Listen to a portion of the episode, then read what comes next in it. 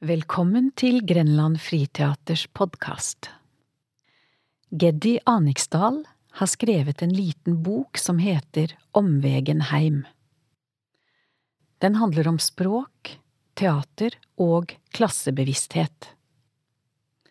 Den kommer i tre deler, og dette er første del.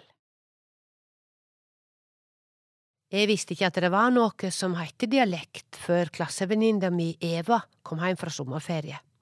Hun hadde vært i Høyanger, og der hadde hun vært så lenge at hun hadde glemt å snakke slik som vi snakka. Hun hadde tapt dialekten sin på noen korte sommerveker, eller hun var vorten fin på det. Hun sa jeg måtte leike om meg, de skjønte ikke hva jeg sa. Jeg var så lei av å måtte forklare alt opp att. Hva sa du? Vi skjønner ikke hva du sier. Vi var ikke uvante med ulike dialekter heime. Det kom folk fra hele landet for å arbeide på verket, og pappaen vart jærbu når han fikk telefon eller når jærbuingene kom på besøk. Søster til mamma snakka bergensk i Bergen og hermansverking på hermansverk. I starten på ferien snakka hun bergensk og sogning om hverandre, men det hadde hun nå alltid gjort, det var slik hun tante Helga snakka det og det ene var tydelig å skilje fra det andre. Hun hadde vel ikke tapt noe heller, men fått ein til. I sommerferien vår heime hos Besta small det i mange slags tungemål når alle med sine kom heim. Forskjellige folk snakka det de snakka, språket hang godt fast på dei.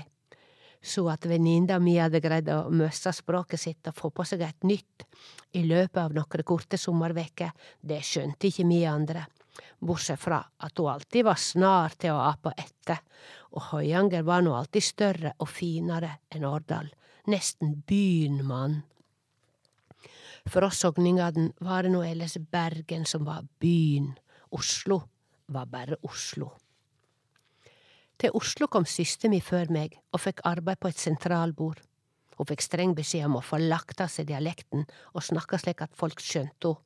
Snakk ordentlig, snakk vanlig, Snakk normalt. Irma, vær så god, hva kan jeg hjelpe med, Irma, vær så god. Jeg kom òg til hovedstaden, ett år seinere. Da hadde pipa fått en annen låt, i hvert fall i de radikale kretsene der jeg havna. Da var det tal dialekt, skriv nynorsk. Der var jeg, omtrent samtidig, samme by, men i to leirer må en vel kalle det, i den ene leiren vart søstera trua med å miste arbeidet og mykje å legge om til bymål, og i den andre vart eg hylla, både for dialekten og ikke minst for klassebakgrunnen. Det var ikke måte på hvor stas det var, de sa det slik, hun der har i hvert fall klassebakgrunnen sin i orden. Var det bakgrunnen av sluska, bønder, meieriarbeidere, ullvarefabrikkarbeidere, saftfabrikkarbeidere, sildeoljefabrikkarbeidere, fajansefabrikkarbeidere, tjenestejenter, sjømenn, forskalingssnekkere, betongarbeidere, ein pelsbereder og ein frelsesarmésoldat, gravemaskinkjørere, bilmekanikere, langtransportsjåfører, værelsesjenter, syfabrikkarbeidere, bryggesjauere, messejenter og anleggskokker de tenkte på. Jeg var med og besta på anlegg ute i Dragsvik. Hun besta sa er du god nå, så kan du kanskje tjene deg til en heile grøn ein. Ein femtilapp. Det var tidlig opp der, du, for å stelle mat til karene. Det var hardt arbeid for en tiåring, men viktigere var nok arbeidet som anstand og selskap for hun besta, som vart enka tidlig og måtte klare seg aleine. Det var bare å arbeide, det. Alle arbeidde hele tida når jeg var liten, og det var så mye arbeid å få. Jeg var nå ikke torsknere enn at jeg visste om klasseskilje heimafra, eller forskjell på folk, som det heite da. De voksne snakka om de andre, de kondisjonerte, de fine, fiffen, de som var så høgt på strå, de som ikke var som oss. Mi flein no mange ganger av dei rike sine vaner når dei tok på seg sko og jakka inne i sitt eget hus, medan mi gikk på sokkalesten og mamma vaska ikkje gulvet for at vi skulle trø inn med dretne sko.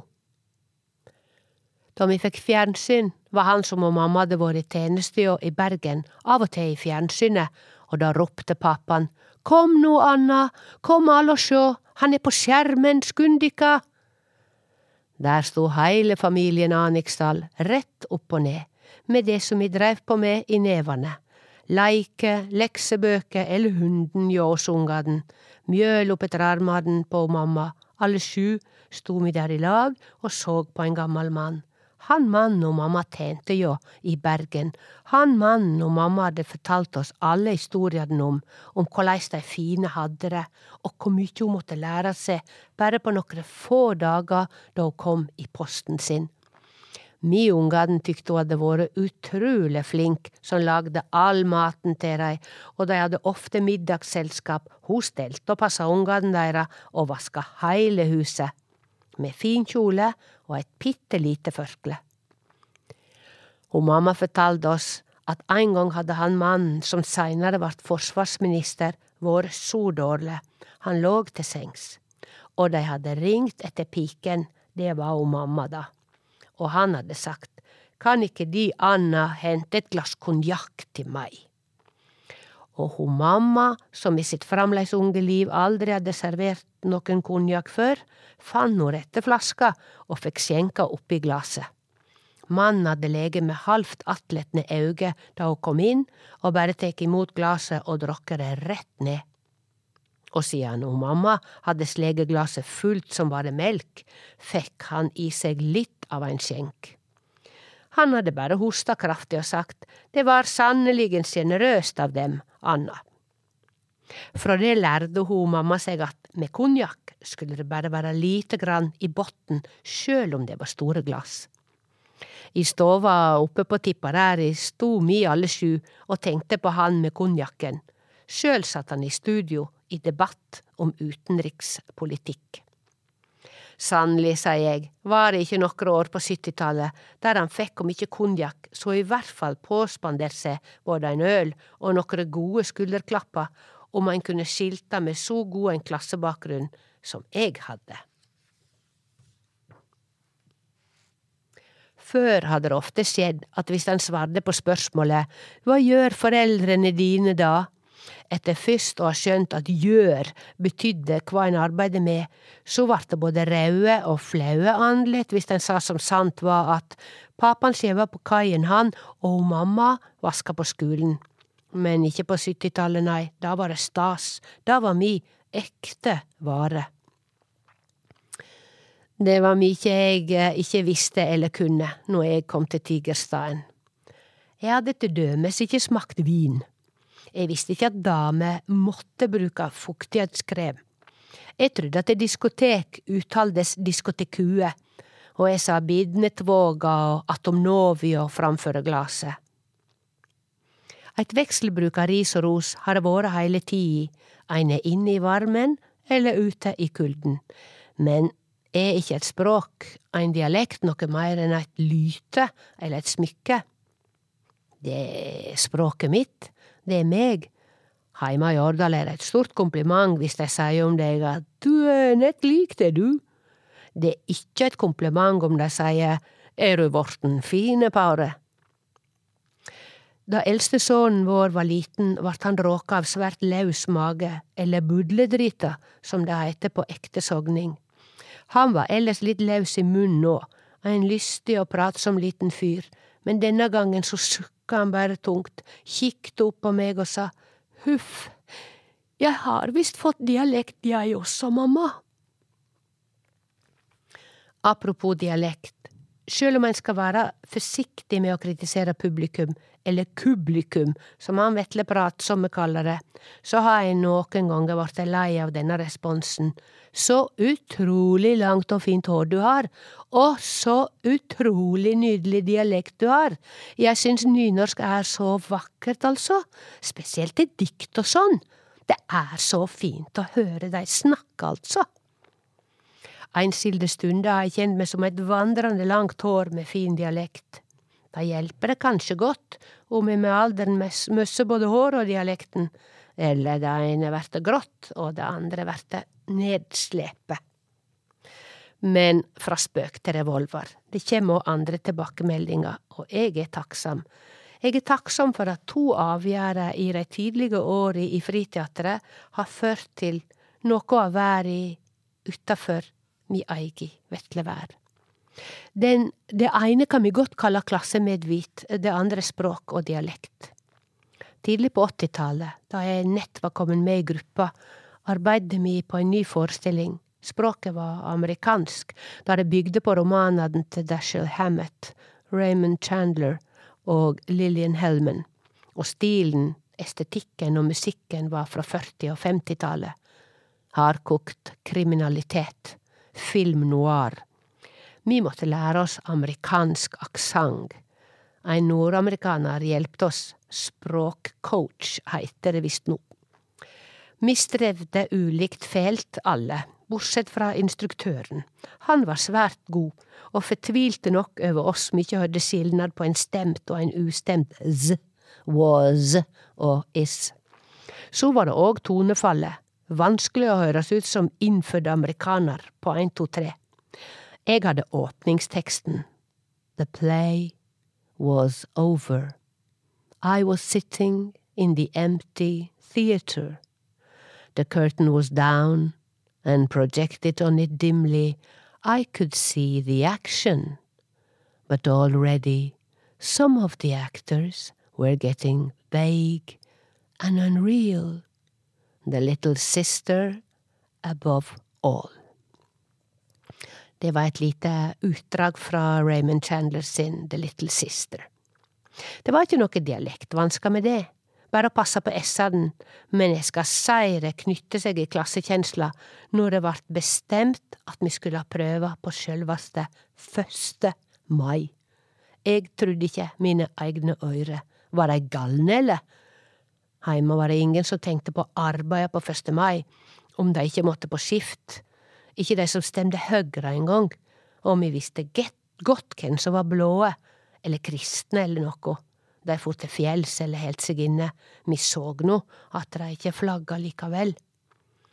Men på Friteatret, der skulle det arbeides på 1. mai, medan det var flaggheising, musikk, kransenedlegging, 1. mai-frukasta, tale for dagen og flere tog å velge imellom. Jeg gikk på arbeid, jeg, men det vart med den ene gongi. Noen år seinere var vi i gang med neste forestilling om Kristiania-bohemen med tekst på norsk. Vi velgde ut egne tekstfragment, og jeg oversette til sognedialekt. Det nærma seg premiere. Etter en gjennomgang sa Tor Arnursin, regissøren vår, du skal snakke bokmål du, Geddi. Jeg fraus til og håret reiste seg på armene mine. Nei, hadde jeg lyst til å skrike, nei, nei, ikke tving meg til det. Men jeg sa ikke noe, jeg bare så for meg at jeg visna. Om jeg hadde vært ei saftig blomme, var jeg nå på vei til ei gammel sviske. Jeg kjente meg mindre, jeg kjente at jeg ble påført et handikap. I ettertid kan jeg sjå at det ikke var lett for regissøren eller highlight i stykket heller, om ei i kretsen rundt Edvard Munch og Hans Jæger snakka kavsogning, Bukken Lassen eller Oda Krog til dømes. Det var bare å legge seg språktrening, det. Jeg veit godt at det gjør alle skuespillere som vil inn på den offisielle teaterskolen, men for meg var det et poeng å ikke være der, men i ei frigruppe. Så det svei ekstra hardt at jeg kjente meg ufri i vår frigruppe. Ny forestilling, Feberen, Feber var tittelen, nytt tungemål. I tillegg var jeg gravid. Mykje nytt på en gang. Kanskje ikke den beste kombinasjonen etter hvert. Tunga slo krøll på seg, og kostymet som vi skulle framstå som ei fin og elegant bydame i, ein bohem, et oppesen kvinnfolk, hadde en heller vid pose på framsida som magen min kunne vekse i. Og veksa gjorde magen. Vi var på turné til jeg var i åttende måned. Det var tungt på flere vis. I ein scene skulle jeg hoppe opp i fanget til medskuespiller Trond Hannemyr. Han så elegant i dress, mørke krøller, fine, runde briller. Lett og liten og fin var han. Jeg hadde dette telt av en kjole, og en heller dvask hatt med blomster som hang dødt nedover. Dette ynskja, yndefulle møtet mellom to svermande vart en heller tung seanse, og mykje daud vekt på Trond. Han pusta litt ekstra, ja. Fra før av så tykte jeg ikke at jeg hadde dreisen på bokmåluttalen heller. I foajeen på Den nasjonale scenen i Bergen etterpå fikk de andre skuespillerne spørsmål om hvor lenge hun Vetle Mørke hadde bodd i Norge. De tykte at hun hadde litt å gå på før den polske aksenten var helt vekke. Men at det var på vei. Det var nok kvelder jeg tykte at det var mer å gå på med både uttale og ynde, ja. Var jeg nå kommen på rett hylla her i verden. Det var en minneverdig språkepisode før forestillingen Feber. Det hadde jeg fortrengt. Det er visst lurt, det, å fortrenge litt. Av NRK Telemark vart vi bedt om å lage radioteater, ei dramatisering av Jules Vernes si bok Det store spillet. Av grunner som nå skulle være innlysende, hadde jeg ikke noe bærende rolle i dette radiospillet, men med var jeg på bokmål. Det Vetle skulle seie, det fikk jeg ikke til, så jeg prøvde å snakke svært forsiktig og lågt, med håp om at ingen skulle høre meg, eh, da jeg ikke uttalte noen av konsonantene med stor kraft. Det vart vel litt stille og kraftløst det hele, og noe som mer ligna talefeil enn bokmål. Jeg vart i hvert fall erta i årevis etterpå for replikken Kanskje det er Lole? Meir tafatt lite kvinnfolkemne skulle han leita lenge etter. I barnehagen til ungene spurte de ofte de andre små med hva for et land kommer du fra? Glad som jeg var for kunnskapen deres om andre land, så ville jeg nå gjerne være så gammelnorsk som jeg er. Jeg kaller de nye som kommer for nynorskinga, jeg. På puben i lag med mannen min som er innfødd porsgrunning, så sier jeg til han, hu kjerringa di er jaggu blitt god i norsk, hvor lenge har hun vært i landet nå? Det er bare barnehageunger som snakker rett ut om dialekten min, både publikum og pubbesøkende går utenom, som han sa, Bøygen. Jeg trodde det var fra små barn og fulle folk en skulle høre sanning i, bare fra små barn, altså. Noe må det være, Språk er et sensitivt område, klasse likeså. Kjønn skal jeg vel late ligge i denne omgangen. Det vart med disse episodene med bokmålet òg. Jeg sa, som jeg gjorde med Første mai-sviket, at jeg ikke kunne eller ville spille på bokmål. Det var grenser for hvor mye jeg kunne møsse meg sjøl, tykte jeg. Jeg skal ikke nekte for at klassespørsmålet kjem inn her òg.